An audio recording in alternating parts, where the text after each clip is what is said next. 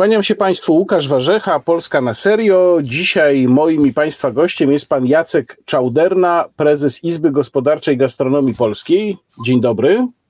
Dzień dobry Państwu, dzień dobry Panie redaktorze.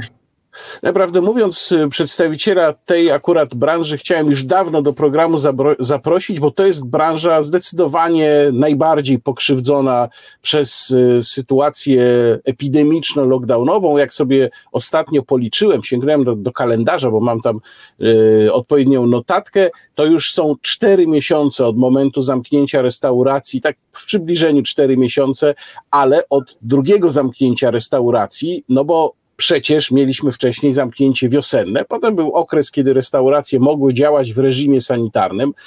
Mm, czyli to jest chyba najdłużej y, zamknięta branża, być może oprócz branży fitness w Polsce. Licznik strat lockdownowych, który nie tak dawno uruchomił Warsaw Enterprise Institute y, i który podlicza generalne straty, ale też z podziałem na branżę, dla właśnie branży gastronomicznej pokazuje już w tej chwili ponad 2 miliardy złotych strat. Czy ten szacunek pańskim zdaniem jest prawidłowy? No, tak jak pan redaktor powiedział, są to tylko szacunki, że jest to około 2 miliardów strat. Natomiast weźmy pod uwagę mm, przedsiębiorców, którzy mm, mają zamknięte biznesy teraz i mieli zamknięte podczas pierwszego lockdownu, ale też otworzyli swoje biznesy tuż przed lockdownem. To jest duża grupa, albo przed pierwszym, albo przed drugim lockdownem zainwestowali bardzo duże środki na remont swoich lokali, na ich wyposażenie.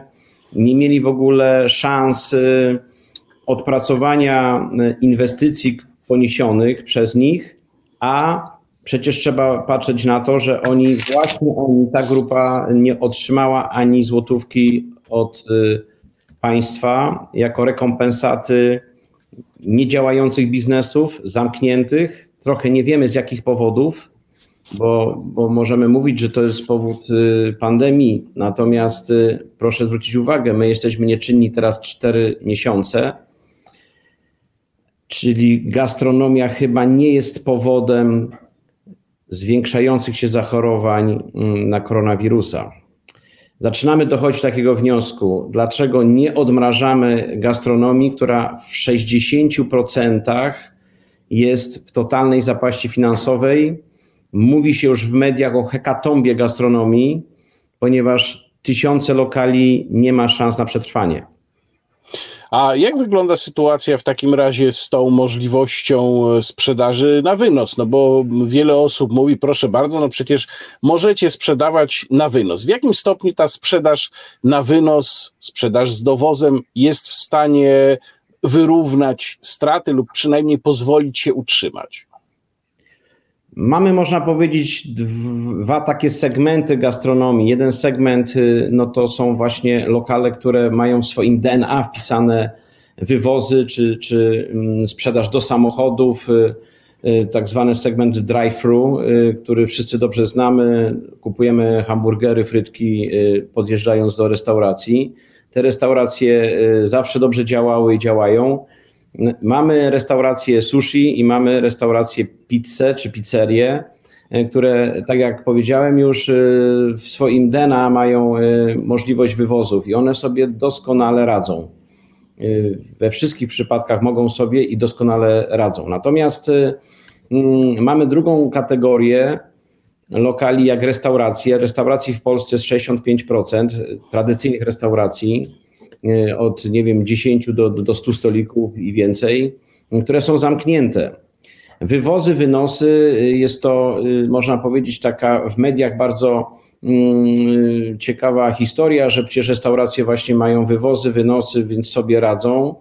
No niestety, raz, że jest to około 20% rynku, dwa, w większości przypadków te wywozy i wynosy tych, którzy próbują właśnie teraz w pandemii funkcjonować, nie pozwalają na kompensatę y, kosztów stałych. Generalnie jest to próba zapłacenia wynagrodzenia pracownikom, żeby nie siedzieli w domach, żeby nie popadali jeszcze większą depresję, ponieważ ten brak perspektyw naszej branży jest chyba najbardziej przerażający.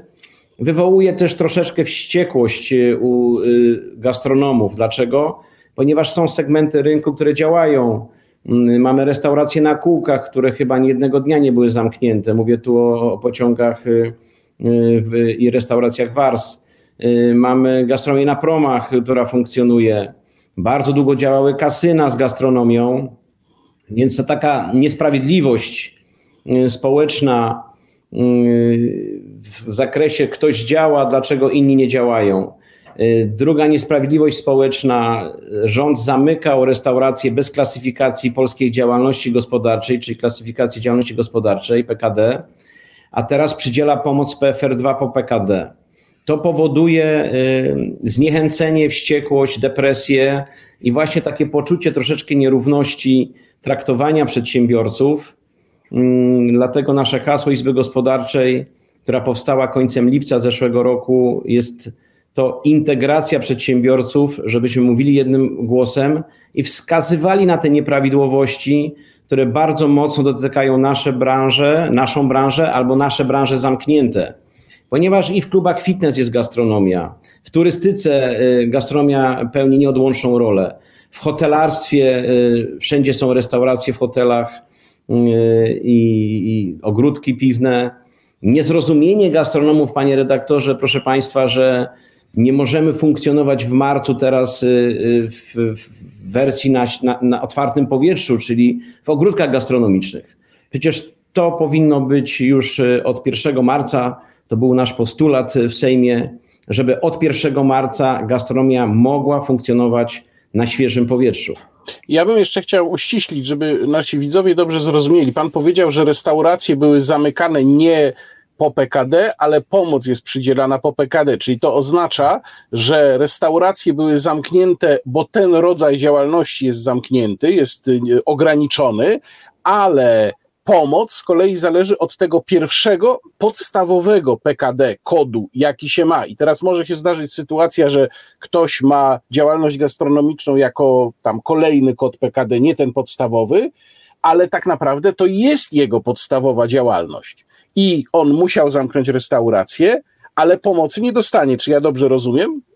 To była początkowa wersja, y, którą nam zaserwowało y, Ministerstwo Rozwoju Pracy i Technologii. Natomiast y, mm, teraz już rozszerzone została ta klasyfikacja PKD, czyli polskiej klasyfikacji działalności na wszystkie kody, jakie mamy w KRS-ie czy wypisie z działalności gospodarczej. Natomiast y, no, wcześniej nie mieliśmy takiej sytuacji. Ktoś kiedyś miał może sklep, miał mały sklepik, y, ten sklepik nie do końca dobrze funkcjonował, więc y, zamienił ten sklep na jakąś kawiarenkę albo na małą knajpkę, no ale nie, nie dopilnował tak, dopisania tego PKD działalność gastronomiczna czy serwowanie żywności, konsumpcja gastronomiczna. Co się dzieje? No dzisiaj y, ci wszyscy przedsiębiorcy, jak ja mówię, są mm, pominięci y, w pomocy finansowej, y, albo te właśnie nowo otwarte mm, restauracje tuż przed pandemią są wykluczone z jakiejkolwiek pomocy. Ja już daję trzecią kategorię przedsiębiorców, to szczególnie widać teraz w tarczy PFR2, czyli kompensat czy subwencji finansowej, finansowej Polskiego Funduszu Rozwoju a mianowicie przedsiębiorcy mają odrzucenia y, wniosków o subwencje finansowe i nie są informowani, z jakich powodów ta subwencja jest odrzucona. Y, tak, o tych przypadkach słyszeliśmy właśnie ostatnio. E, pojawia się coraz więcej takich informacji, bo to dotyczy nie tylko gastronomii, ale czy ma Pan jakąś teorię, dlaczego te odrzucenia następują? PFR y, odpowiada, że nie musi się tłumaczyć, ma taką możliwość, żeby odrzucić wniosek bez tłumaczenia się. No, ja powiem tak, y, może to być przyczyna, że nie ma środków finansowych na, na, na pomoc branżom zamkniętym, natomiast i myślę, że trzeba to skomentować trochę inaczej. Rząd y, zamyka y, biznesy, mm, jak już powiedzieliśmy i wiemy, bez tej klasyfikacji. Y, teraz ogranicza pomoc do klasyfikacji, informuje media, ileż to miliardów restauracje otrzymały pomocy finansowej. Widzimy w social media piękne filmy reklamowe kręcone, jak to restauratorzy świetnie funkcjonują, bo mają pomoc finansową. No przepraszam, jest to propaganda, jest to propaganda medialna, mm, która nie powinna mieć miejsca, bo skoro rząd informuje, ile mamy precyzyjnie zachorowań, ile mamy uzdrowieńców, niech rząd poinformuje, ile ilu przedsiębiorców gastronomicznych otrzymało pomoc finansową, a ilu nie otrzymało i z jakiego powodu. Bo jeżeli przedsiębiorca składa szósty, siódmy, ósmy raz wniosek o, o subwencję finansową, nie informowany jest, z jakich powodów są te odrzucenia subwencji finansowej, a na końcu słyszy, że y, branże zamknięte dostały kilkadziesiąt miliardów pomocy, no nie będę już tego komentował, jaka może być wściekłość i, i, i zniechęcenie, i, yy, i są potem te bunty, czyli otwieranie restauracji, jest podziemie gastronomiczne, o którym się już głośno mówi, bo jeszcze raz powtarzam, jesteśmy cztery miesiące zamknięci, nie panujemy nad pandemią, bo to jest rzeczywiście yy, trudna sytuacja na całym świecie. E, do zapanowania, ale my umieramy już e, z innych przyczyn. My nie umieramy z przyczyn koronawirusa. Branża umiera, ponieważ nie jest w stanie funkcjonować i nie jest w stanie nic zaplanować. Żyjemy w wielkim chaosie, e, który no, chyba najwyższy czas zacząć porządkować, jak właśnie na przykład gastronomia na otwartym powietrzu powinna funkcjonować normalnie.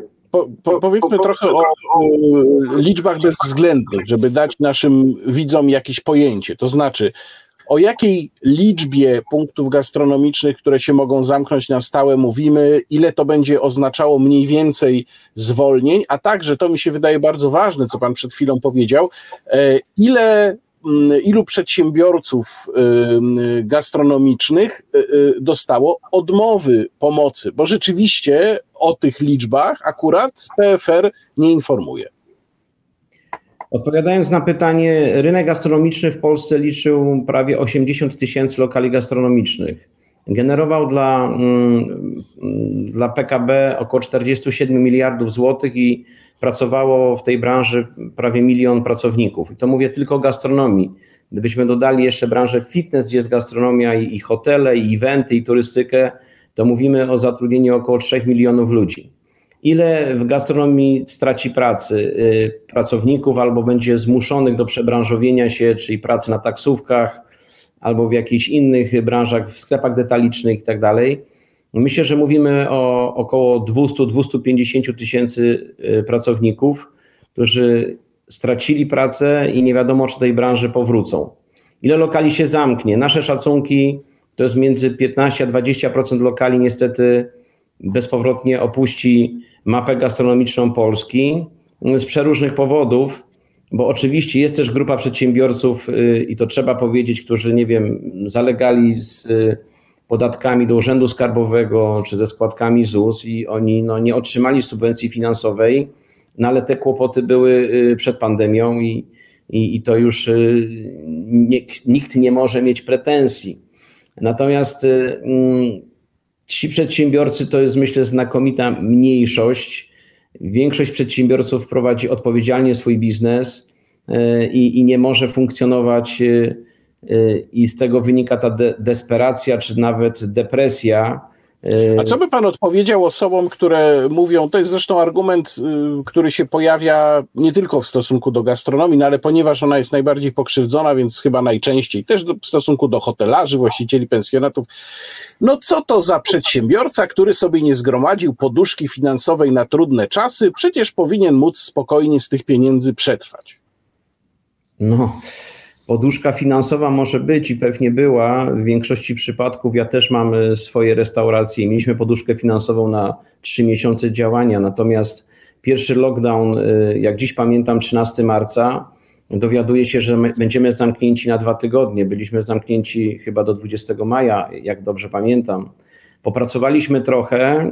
Ktoś powiedział: Och, Polska była pełna e, i restauracje były pełne gości, ale to byli inni goście, bo nie było turystów zagranicznych, którzy dużo więcej wydawali w restauracjach pieniędzy niż polski konsument. I znowu przyszedł ten 23 październik. Mieliśmy być zamknięci na miesiąc, może dwa. No jesteśmy zamknięci cztery miesiące i nie mamy perspektyw, kiedy się otworzymy. Wszystkie poduszki finansowe się skończyły to jest kolejna demagogia prasy i mediów pod tytułem przecież macie rezerwy finansowe. Który przedsiębiorca ma roczną rezerwę finansową? No, takich przedsiębiorców to jest chyba bardzo niewielu. Nie mogę mówić, że nikogo nie ma, ale bardzo niewielu jest przedsiębiorców, którzy mają rezerwę finansową na 12 miesięcy. Pracownicy muszą otrzymywać wynagrodzenie, nie pracują, y, lokale nie generują żadnych przychodów, więc z czego ta rezerwa finansowa ma się brać? Ja powiem więcej, są przedsiębiorcy i znamy takich przedsiębiorców, którzy nie zapłacili pensji pracownikom za styczeń i za luty, ponieważ właśnie nie otrzymali subwencji PFR 2.0.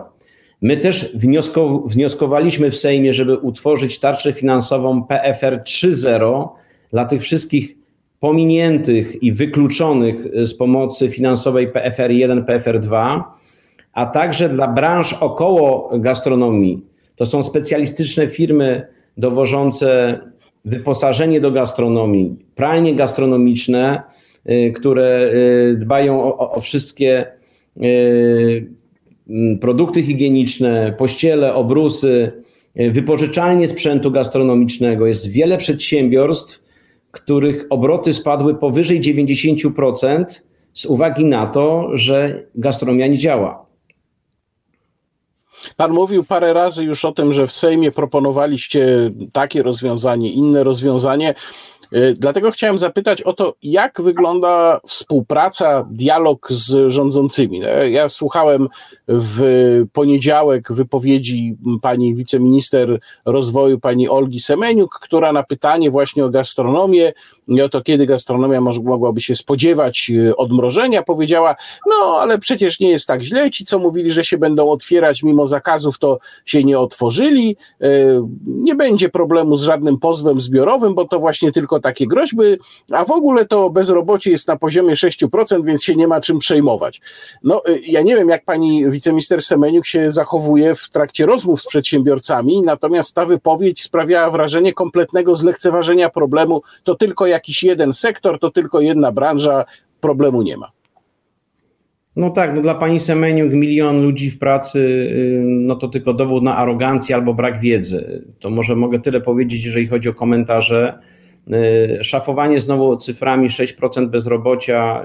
Y, skupmy się na branżach, które są zamknięte i pozbawione środków do życia. Są to tragedie rodzinne, ponieważ biznes gastronomiczny nie tylko w Polsce, ale w całej Europie i na świecie to są biznesy w większości rodzinne. Jest niewiele korporacji, które funkcjonują y, w branży gastronomicznej. Generalnie są to biznesy rodzinne, wielopokoleniowe. Więc szafowanie takimi stwierdzeniami, że nie ma problemu, pozew zbiorowy gastronomii polskiej, największy pozew zbiorowy w powojennej Polsce przeciwko skarbowi państwa to jest fakt.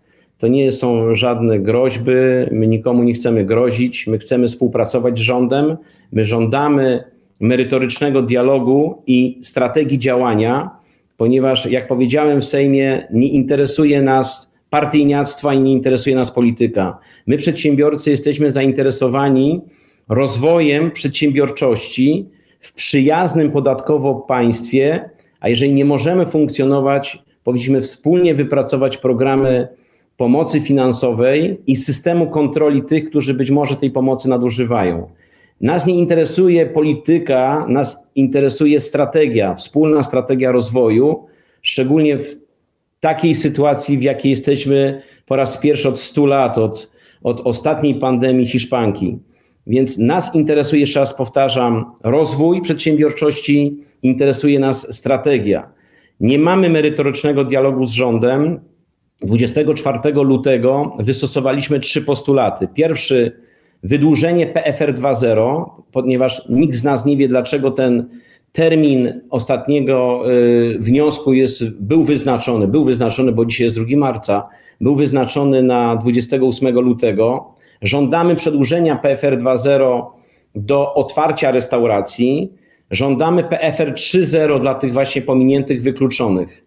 Żądamy uruchomienia ogródków gastronomicznych, czyli gastronomii na świeżym powietrzu i żądamy obiecanego przez premiera jednolitego protokołu sanitarnego. Premier obiecał ten protokół, że będą przygotowywać wspólnie ze specjalistami 18 stycznia.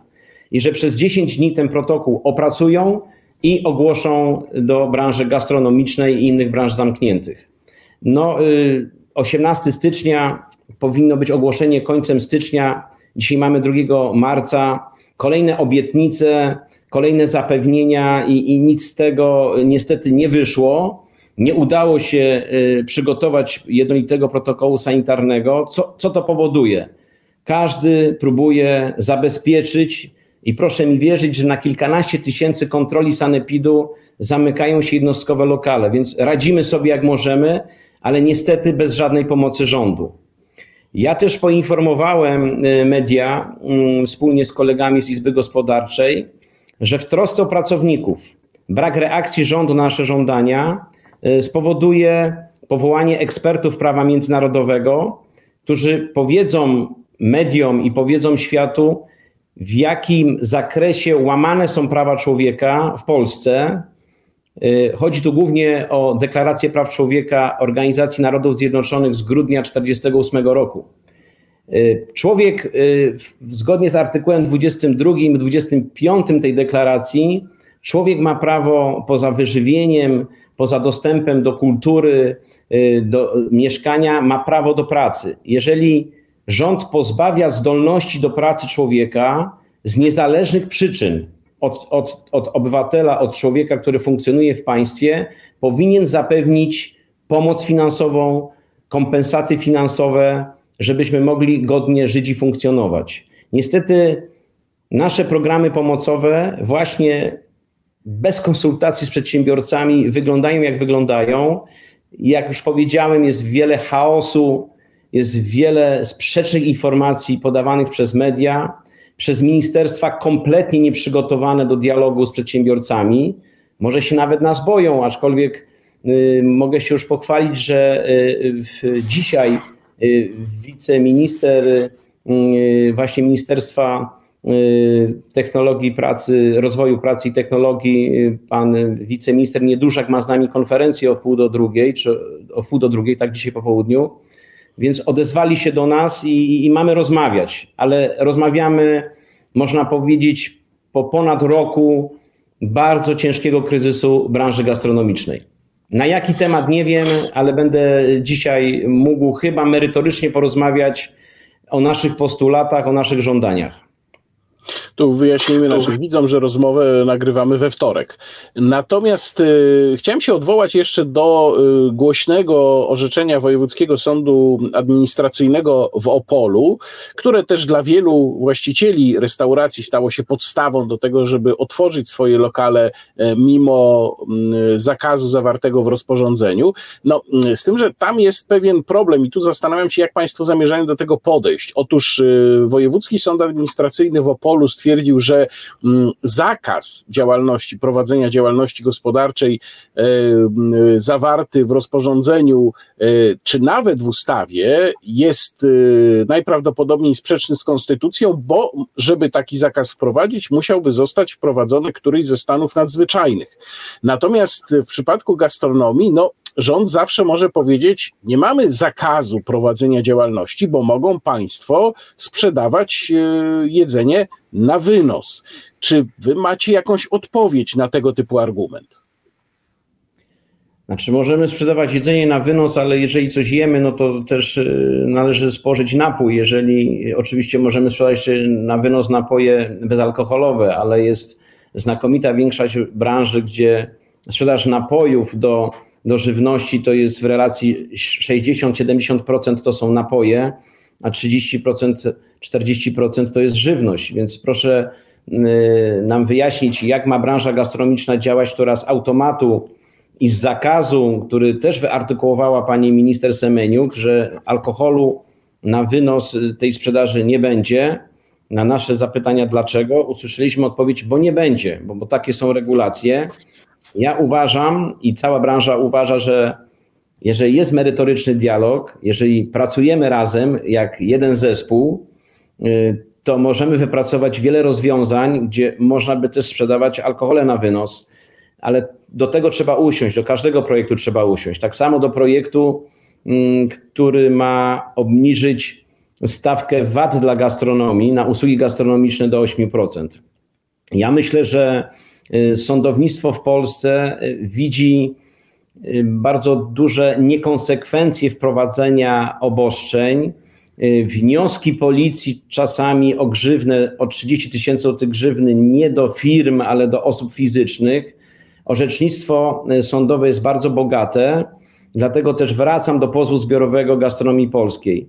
Jest kilkaset przedsiębiorców, proszę Państwa, którzy już do pozwu przystąpili i będą przystępować następni. Dlaczego? Dlatego, że nie możemy zgodzić się z niekonstytucyjnym wprowadzaniem obostrzeń bez konkretnych rekompensat finansowych, jakie mają miejsce w innych krajach Unii Europejskiej. Mamy z kancelarią e, Jacek Dibuła i prawnicy mamy bardzo dobrą drogę procesową mm, y, uzyskania odszkodowań y, dla, dla naszej branży. I ja bym się osobiście, y, będąc przedstawicielem rządu, obawiał przede wszystkim konsekwentnego działania naszej branży, bo my konsekwentnie działamy i mamy plan tego działania, czego niestety nie mają ci, co wprowadzają te obostrzenia wszystkie. Mm, w jednych miastach wprowadzają jakieś pleksy między stolikami, w drugich miastach mówią, że to jest niepotrzebne. Czyli każdy oddział sanepidu coś sobie tam wymyśla, przychodzi i ocenia. Y, jesteśmy nękani szwadronami policji kontrolującymi lokale. Jesteśmy y, nękani kontrolami sanepidu, które nie mogą znaleźć jakichś drastycznych mm, niedopatrzeń w funkcjonowaniu operacyjnym naszych lokali. Myślę, że mm, to nie jest droga. To z pewnością nie jest droga rozwoju gospodarki.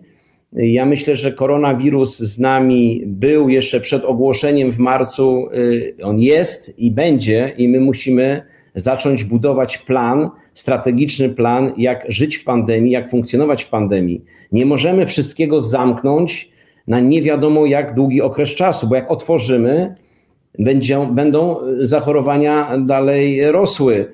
Natomiast jeszcze raz podkreślam i chciałbym mieć odpowiedź od y, autorytetów naukowych. Nasza branża nie funkcjonuje w drugim lockdownie 4 miesiące, więc nie ma żadnego wpływu na wzrost zachorowań. Ostatnia sprawa, pan trochę już o tym powiedział, ale uważam, że to jest istotne. E, jak pan ocenia na podstawie sygnałów, które do pana docierają, jak pan ocenia e, zachowanie przede wszystkim policji, również pracowników sanepidu, ale przede wszystkim policji? Widzieliśmy różne spektakularne akcje w restauracjach, gdzie rzeczywiście do lokalu potrafiło wejść 10 policjantów, przyjeżdżało po 10-12 radiowozów i to takich większych. Mm, jak pan ocenia te zachowania? Jak one w większości wyglądają na podstawie tych sygnałów, które pan dostaje od restauratorów? Ja myślę, że organy policji no, mają bardzo trudne zadanie. Ja, ja generalnie bardzo współczuję y, przedstawicielom y, policji, którzy muszą y, robić to, co robią, bo pewnie no, mają wytyczne i mają rozkazy, jak mają postępować. Natomiast no, jest to skandaliczne, jest to totalna głupota. Zachowujemy się, jakbyśmy byli w stanie wojennym i, i, i szukali mafii narkotykowych albo szukali jakichś przestępców, którzy mm, siedzą w restauracjach. Stresujemy społeczeństwo, jeszcze pokazujemy to wszystko w telewizji. Ludzie są przestraszeni, y, nie chcą wychodzić z domów. Przecież otwierając gastronomię, y, nikt nie będzie zmuszał, żeby ludzie wyszli z domu i korzystali z tej gastronomii.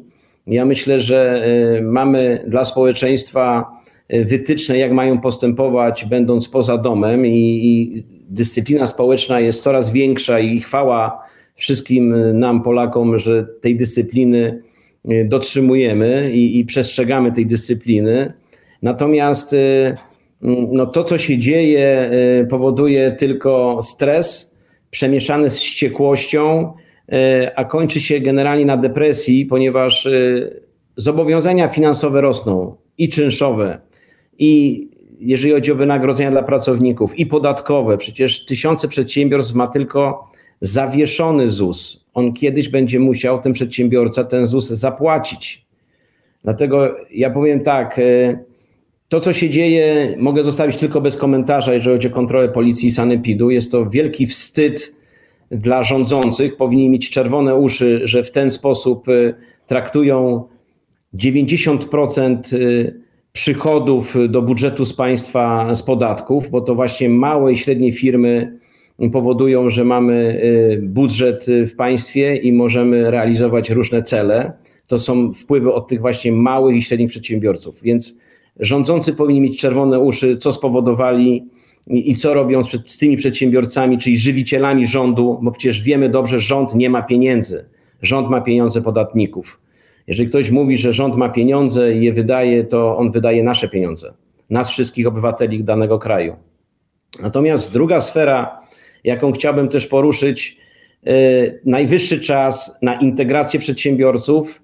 Nie możemy pozwolić, żeby po odmrożeniu na przykład y, żądano od branż zamkniętych pełnych stawek ZUS-u, bo my nie podniesiemy się. Są dwa projekty, które będziemy bardzo mocno komunikować. Pierwszy projekt to jest połowa stawki ZUS-u y, dla branż zamkniętych, żebyśmy mogli zapłacić ten y, odroczony ZUS i płacić nowy. I drugi projekt, który jest bardzo ważny dla branży gastronomicznej i wszystkich branż zamkniętych, to jest 8% VAT-u na wszystkie usługi gastronomiczne, łącznie z napojami. Możemy to zorganizować. Ministerstwo Finansów odpowiada nam, że będzie pokrzywdzona branża detaliczna. A więc ja znowu odpowiadam panu ministrowi Kościńskiemu, że na przykład są formaty gastronomiczne, jak na przykład piwo kegowe, są małe formaty napojów, są duże formaty żywnościowe, jeżeli chodzi o sery, różne e, e, mięsa, które są tylko dla gastronomii i na wszystkie te produkty może być stawka VAT 8%. Nikt nie będzie pokrzywdzony. Ja myślę, że skończmy e, merytorykę czy retorykę procentową, a rozmawiajmy o wpływach do budżetu państwa spłaconego podatku VAT. Jeżeli zrobimy przyjazne regulacje dla tych branż zamkniętych, być może będą większe obroty w tych branżach zamkniętych po pandemii i w pieniądzu będą większe wpływy do budżetu państwa. Ale znowu to wymaga merytorycznych rozmów przy jednym stole, układania planów, a nie gaszenia pożarów. Bo my dzisiaj otwieramy, zamykamy. Ja jeszcze muszę jeden przykład y, podać. 12 chyba lutego otworzyliśmy hotele a cztery czy pięć dni później już pan premier opowiadał, jak to rosną zachorowania, czy pan minister, minister zdrowia, pan Niedzielski, jak rosną zachorowania. Ale przecież inkubacja wirusa, yy, zaraz będę pewnie medykiem, ale inkubacja wirusa to jest 14 dni. Więc wzrost zachorowań z powodu hotelarstwa powinien być od 26 lutego, a nie po czterech dniach. A już się informowało po niecałym tygodniu, że chyba będziemy musieli hotele ponownie zamknąć. No ale ja przypomnę, że y, pierwsze informacje o tym, że mamy y, ofiary sytuacji na Krupówkach rzekomo straszliwej pojawiły się dwa dni po tej sytuacji, więc myślę, że to się mieści w pewnej dziwnej y, logice. Bardzo dziękuję za rozmowę. Moim gościem dzisiaj w programie Polska na serio był pan Jacek Czauderna, prezes Izby Gospodarczej Gastronomii Polskiej. Kłaniam się państwu, Łukasz Warzecha. Do zobaczenia.